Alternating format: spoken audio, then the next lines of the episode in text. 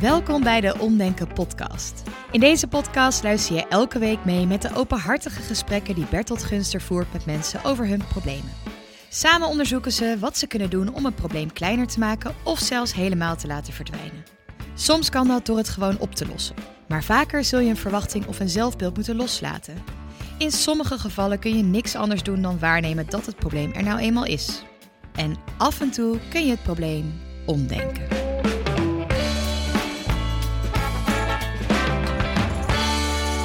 Hallo, wat is je naam en kun je iets over jezelf vertellen? Wie heb ik tegenover me vandaag? Uh, ik ben Robin en wat ga ik in ja, wat ga je vertellen? ja. ja wat definieert een mens? Je was geboren. ja, ik was geboren. Ja, en, ja. ja, um, nou, wat definieert Robin is dan de volgende vraag. Ja, zeker. Um, mijn pronouns zijn dien, diens en hen, hun. Nog even, niet, dit gaat zo snel, dat houdt niemand bij je, Robin.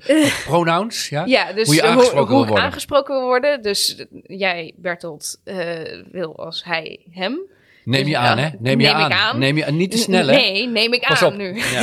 Als, als man, Als man. Ja. Um, en ik uh, ben non-binair. non-binair. Uh, ja, Ja. uh, dus dat is niet man of uh, ook niet vrouw eigenlijk. Ja. Waar toch de meeste mensen aan Je wil je, niet op, de- je wil je niet op dat spectrum eh, vastpinnen. Nee, ik zit er ergens tussenin of daarbuiten, dat weet ik ook Ja. niet. En dat definieert me denk ik een beetje. Ik studeer um, aankomend jaar communication en multimedia design. Ja. Ja, wat nog meer? Je leeftijd. Oh, ik ben twintig. Ja, Ja. Van, het is een goede Ja, vraag. Wat, def- vraag, wat ja. definieert de mens? Leef, ja, leeftijd, eh, waar je geboren bent. Maar doet er allemaal niet zo Nee. veel. Dit, is, dit is als eerste. eh, en mocht ik me in de, in de hij of de die of de del de vergissen, dan eh, is dat een amusant onderdeel van deze podcast. Ik doe mijn best. En, mm, maar de grote vraag is natuurlijk, waar, waar zit je voor? Wat is je vraagstuk? Ja, mijn probleem. Ja, Ehm, ik ben dus non-binair, wat ik al zei. En mijn moeder die heeft daar heel veel problemen mee. En ze zegt zelf dat ze alles prima vindt. Maar ondertussen heb ik mezelf de naam eh, Robin gegeven. Eh, want mijn ouders hebben me anders genoemd. En, eh, Hoe, dat, hoe, je, hoe je heet, is het gevoelig als ik daar naar vraag? Ja. Dat, dat, voel ik goed aan, hè? Voel ik, ja, ja, dat Ik- vind ik zelf totaal deze hele fijn. podcast is eigenlijk een test of ik het een beetje goed doe met jou, voor mij. Maar, goed, maar je had een andere naam. Nu heb je jezelf Robin genoemd. Ja, Ja. klopt. En eh, zij weigeren die naam te gebruiken. Zowel je vader ouder- als je moeder. Ja, mijn vader eh, die zegt eigenlijk, eh, ga maar naar je moeder en ik doe wat zij zegt. Dus ik vind hem eigenlijk een beetje een Mhm. Ehm, en mijn moeder... Dat is niet zijn naam, neem ik aan. Nee, Dus, nee, pussy is niet zijn naam. Nee. en mijn moeder die... Maar ze blijven je aanspreken met de naam die zij jou gegeven hebben. Ja, klopt. Consequent. Consequent. En ik weet eigenlijk niet hoe ik dat moet veranderen. Want ik heb er heel veel moeite mee. Als ik benoem dat ik er moeite mee heb, zeggen ze: Ja, wat denk je wel niet van mij? Oké, dat lijkt me Irritant. heel pijnlijk voor jou. Ja, pijnlijk. Goed, even voordat ik doorvraag, de, eh, even naar je probleem en dan komen we mogelijk terug op de dingen waar we nu over hebben. De, de, mag ik zeggen, we gaan als vertrekpunt nemen dat je je ouders eh, weliswaar op de een of andere manier zeggen geen moeite te hebben met jou, maar in de praktijk is dat wel zo. Ja, dat, klopt. is, dat is het vraagstuk. Hè? Ja. Nou, dan ja, misschien een open deur, maar wat is daar voor jou precies erg aan? Kun je daar in jouw woorden omschrijving van geven? Ik kan niet mezelf helemaal zijn daar als ik thuis ben. Woon je nog thuis? Of, eh? Ja. En daar probeer ik dus nu ook weg te gaan, Mhm. omdat ik mezelf niet thuis voel. En als ik me daar wel thuis zou voelen, dan zou ik geen probleem hebben om er te blijven wonen. En stel dat je op een gegeven moment weg bent, is dan het probleem weg? Hmm, nee, maar dan eh, voel ik me alsnog niet veilig en fijn als ik daar kom. Maar je zou kunnen zeggen, dan ga ik gewoon niet meer. Dus dan eh, zou de oplossing zijn uit huis en Het contact verbreken. verbreken. Is dat een, heb je dat overwogen? Is dat een optie? Ja, maar dat vind ik ook wel moeilijk, omdat ik toch wel bloedverband heb met ze. En de rest van mijn familie is wel leuk, vind ik. En Mhm. Ja. die verbreek ik dan ook soort van. En zi- zijn er, eh, eh, laten we even wat feiten op een rijtje zetten eerst nog even. Ja.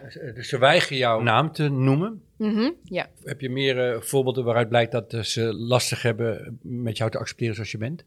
Eh, ik zei dus dat ik graag aangesproken word met die dienst en hen Mhm. hun.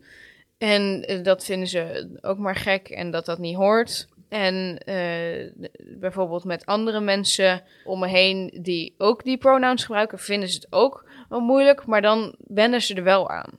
Dus ik heb dat ik een vriend ken Eh, vriend gebruik ik maar gewoon omdat dat een beetje neutraal is. En hen gebruikt ook eh, dezelfde pronouns. En dan vinden ze het moeilijk, maar dan proberen ze daar wel mee om te gaan. Oké, dus in en die zin bij mij niet. Bij mij Oh. weigeren ze dat. En, en als je, je hebt ongetwijfeld gevraagd, hè, waarom weiger je? Waarom doen jullie daar niet mee? En dan, dan krijg je als antwoord dus, begreep ik, van, eh, begrijp je niet dat het voor ons ook heel moeilijk is? Ja, wij hebben je opgevoed op een bepaalde manier. En wij hebben je een bepaalde naam gegeven. Dat is niet voor niets. Dat vinden we bij jou passen. Mhm. En ik denk, ja, ik vind het niet bij mij passen. En ik ben toch wel de baas over mijn eigen leven. Lijkt me wel, ja. Je, je oogt op een bepaalde manier ook heel zelfverzekerd als het gaat om het kiezen van een koers.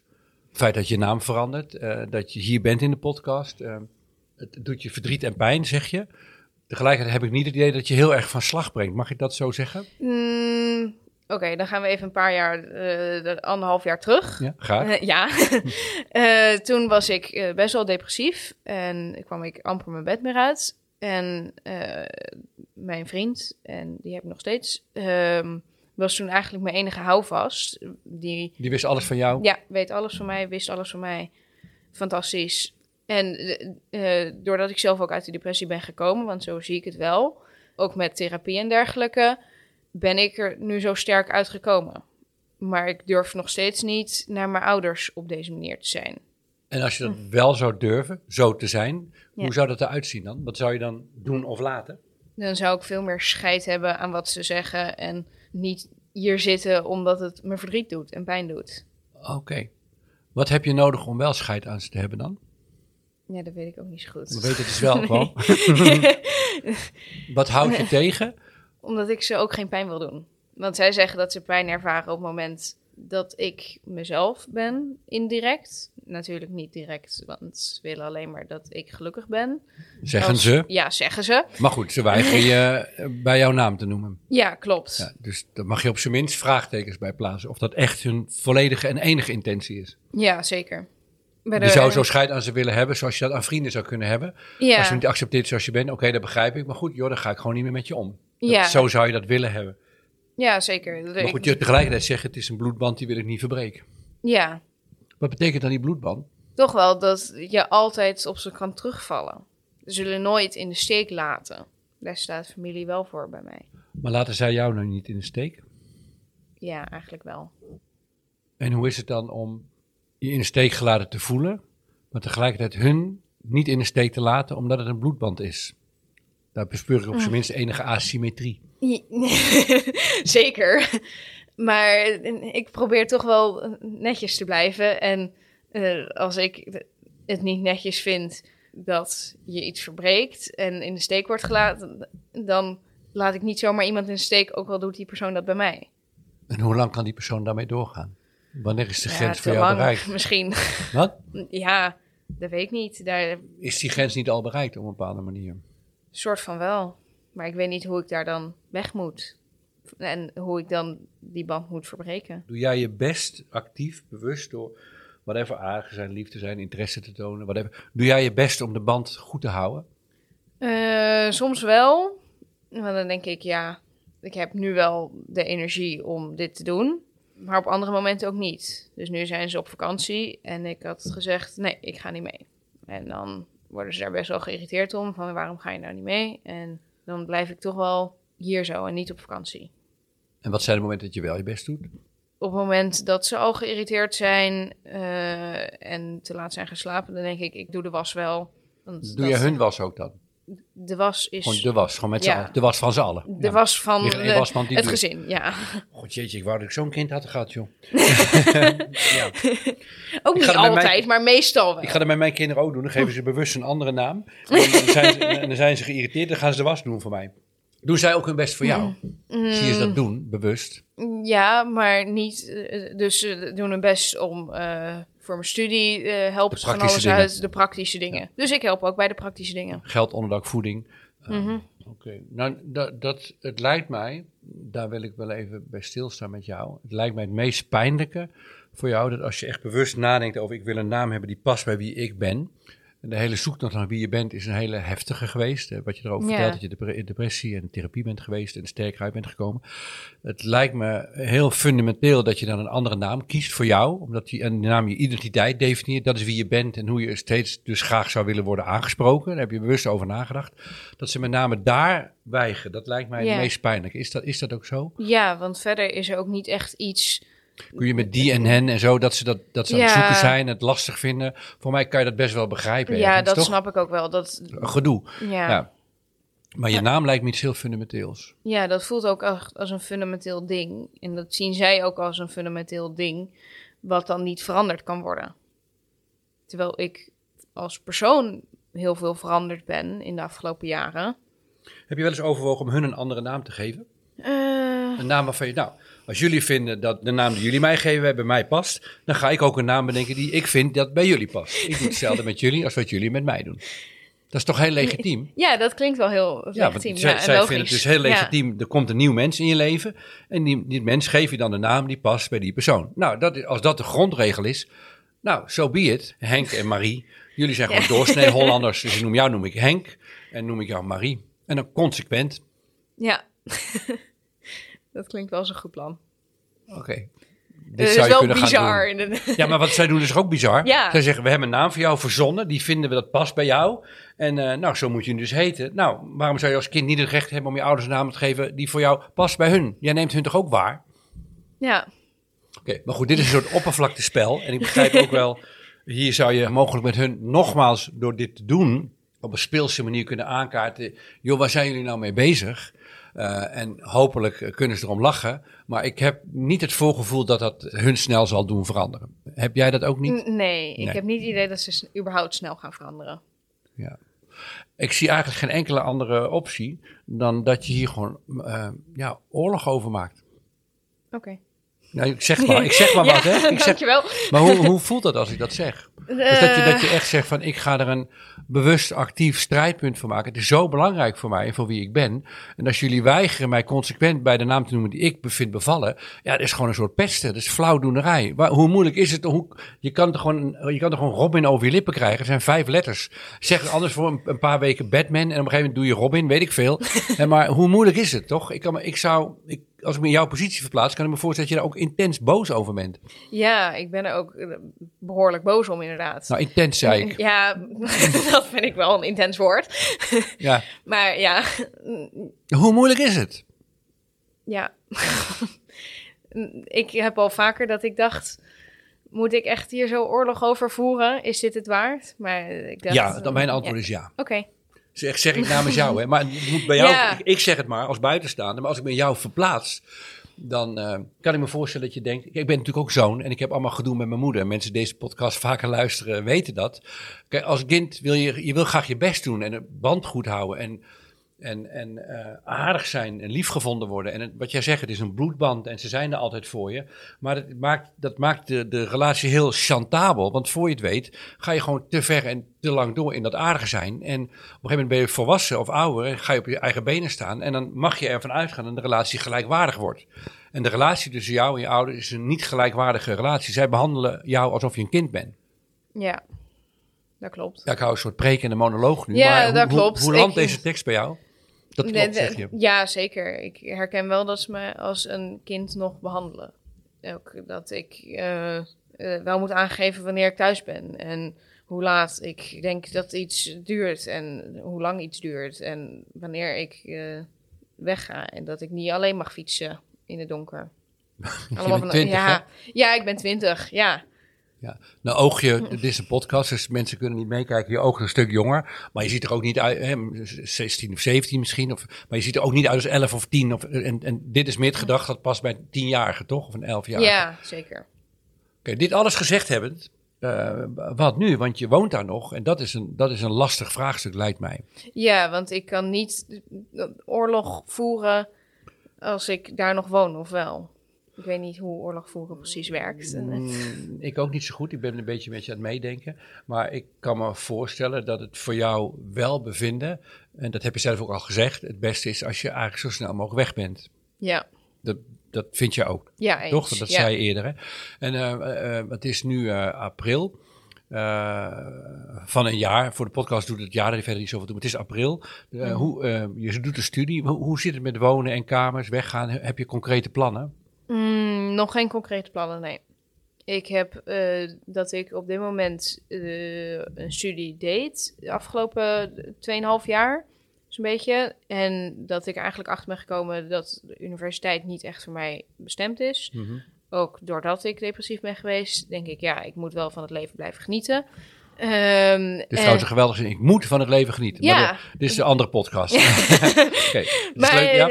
eh, niet alleen maar studeren. Daar ben ik wel achter dat het niet echt voor mij bestemd is. Dus, Dus je ik ga van studie nu, veranderd? Ja, ik eh, ga aankomende eh, september starten van een HBO. Oké, en waar en- woon je nu bij je Ik woon nu in Delft. Waar is de en HBO-opleiding? Den Haag. Den Haag.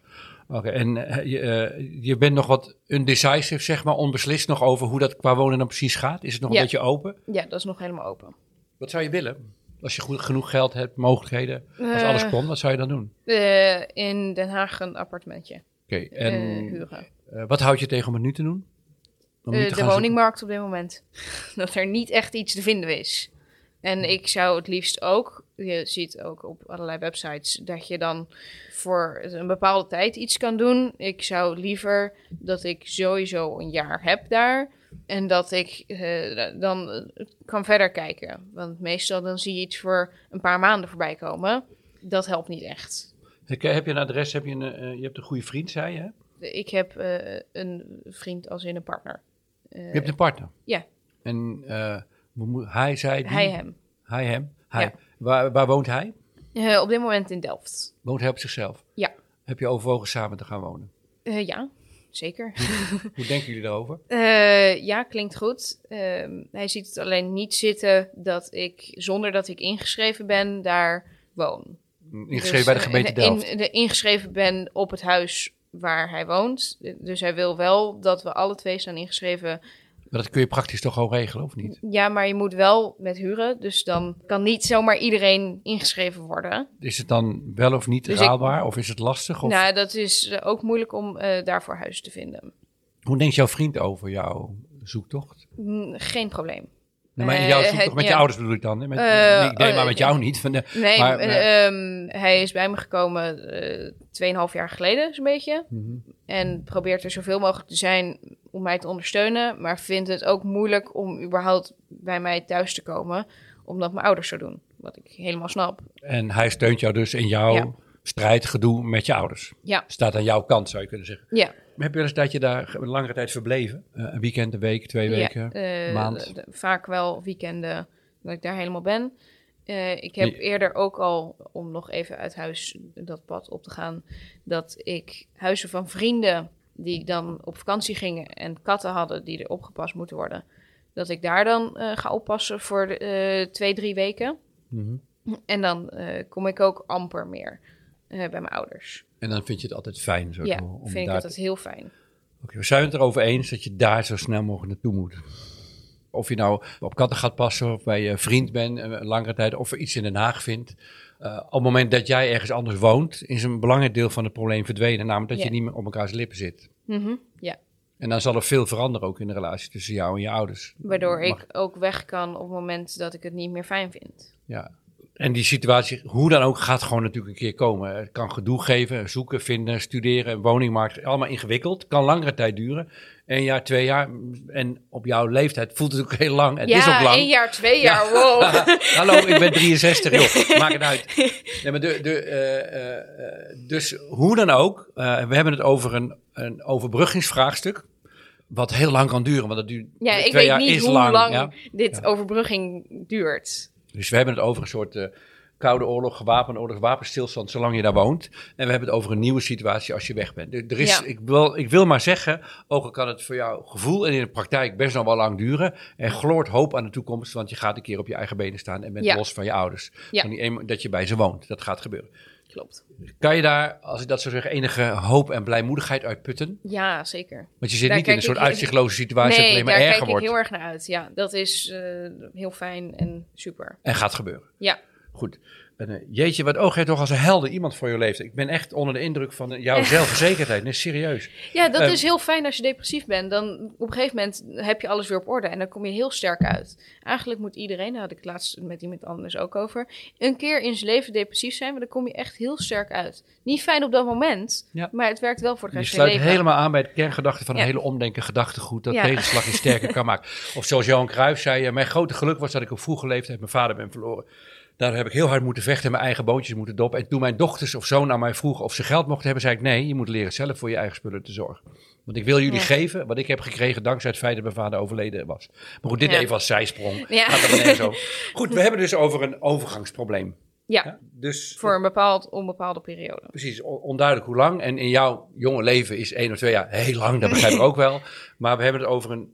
We hebben het probleem al teruggebracht naar een iets, voor mij in ieder geval als buitenstaander, een iets overzichtelijker pakketje. Ja. ja?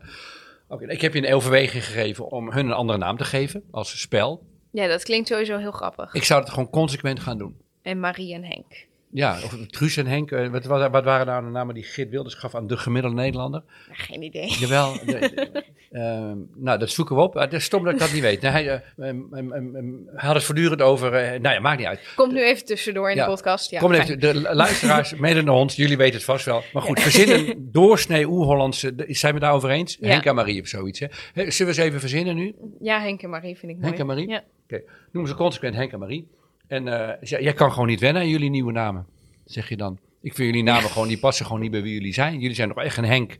Een Henk die gewoon meegaat met zijn met zijn vrouw. En een Marie die gewoon in de war is van alles. Ze doet het best hoor, ze lieve vrouw. En, eh, Ja. ja. Ehm, ja, en verder wil ik je ook een overweging geven. Maar dat is ook mijn eigen zoektocht. Dus die, ik, ik projecteer nu mijn eigen levensverhaal op jou. Om ehm, op het moment dat je ouders je voortdurend het gevoel geven dat het niet oké is wie je bent. En ze weigeren zelfs je naam te gebruiken, wat, die jij wel overwogen hebt gekozen. Ja, dat is zo'n sterke afwijzing voor jou als persoon. Wat ik gedaan heb mijn hele leven, is dan alsnog heel erg mijn best doen om te zorgen, vooral met mijn moeder. Met mijn vader was verder helemaal oké. En eh, het gewoon toch goed te gaan hebben, om heel hard te gaan lopen werken. En pas op hele late leeftijd heb ik besloten om die strijd te staken. En het moeilijkste waarom ik er heel lang tegenaan heb lopen hikken, is omdat ik vond dat ik eigenlijk als zoon faalde. Zolang mijn moeder mij niet kon accepteren zoals ik was. Zolang ik niet voldeed aan haar verwachtingen. Dus ik wil aan jou de vraag voorleggen. Hoe zou het zijn om voor jezelf te accepteren dat je gefaald hebt in de missie om als eh, man, vrouw, die eh, persoon, als kind, als kind, prima, als kind, te voldoen aan de verwachtingen van je moeder? Want daar gaat het voor om. Dat je accepteert Ja. dat het je niet gelukt is. Hoe voelt dat als ik dat zo zeg?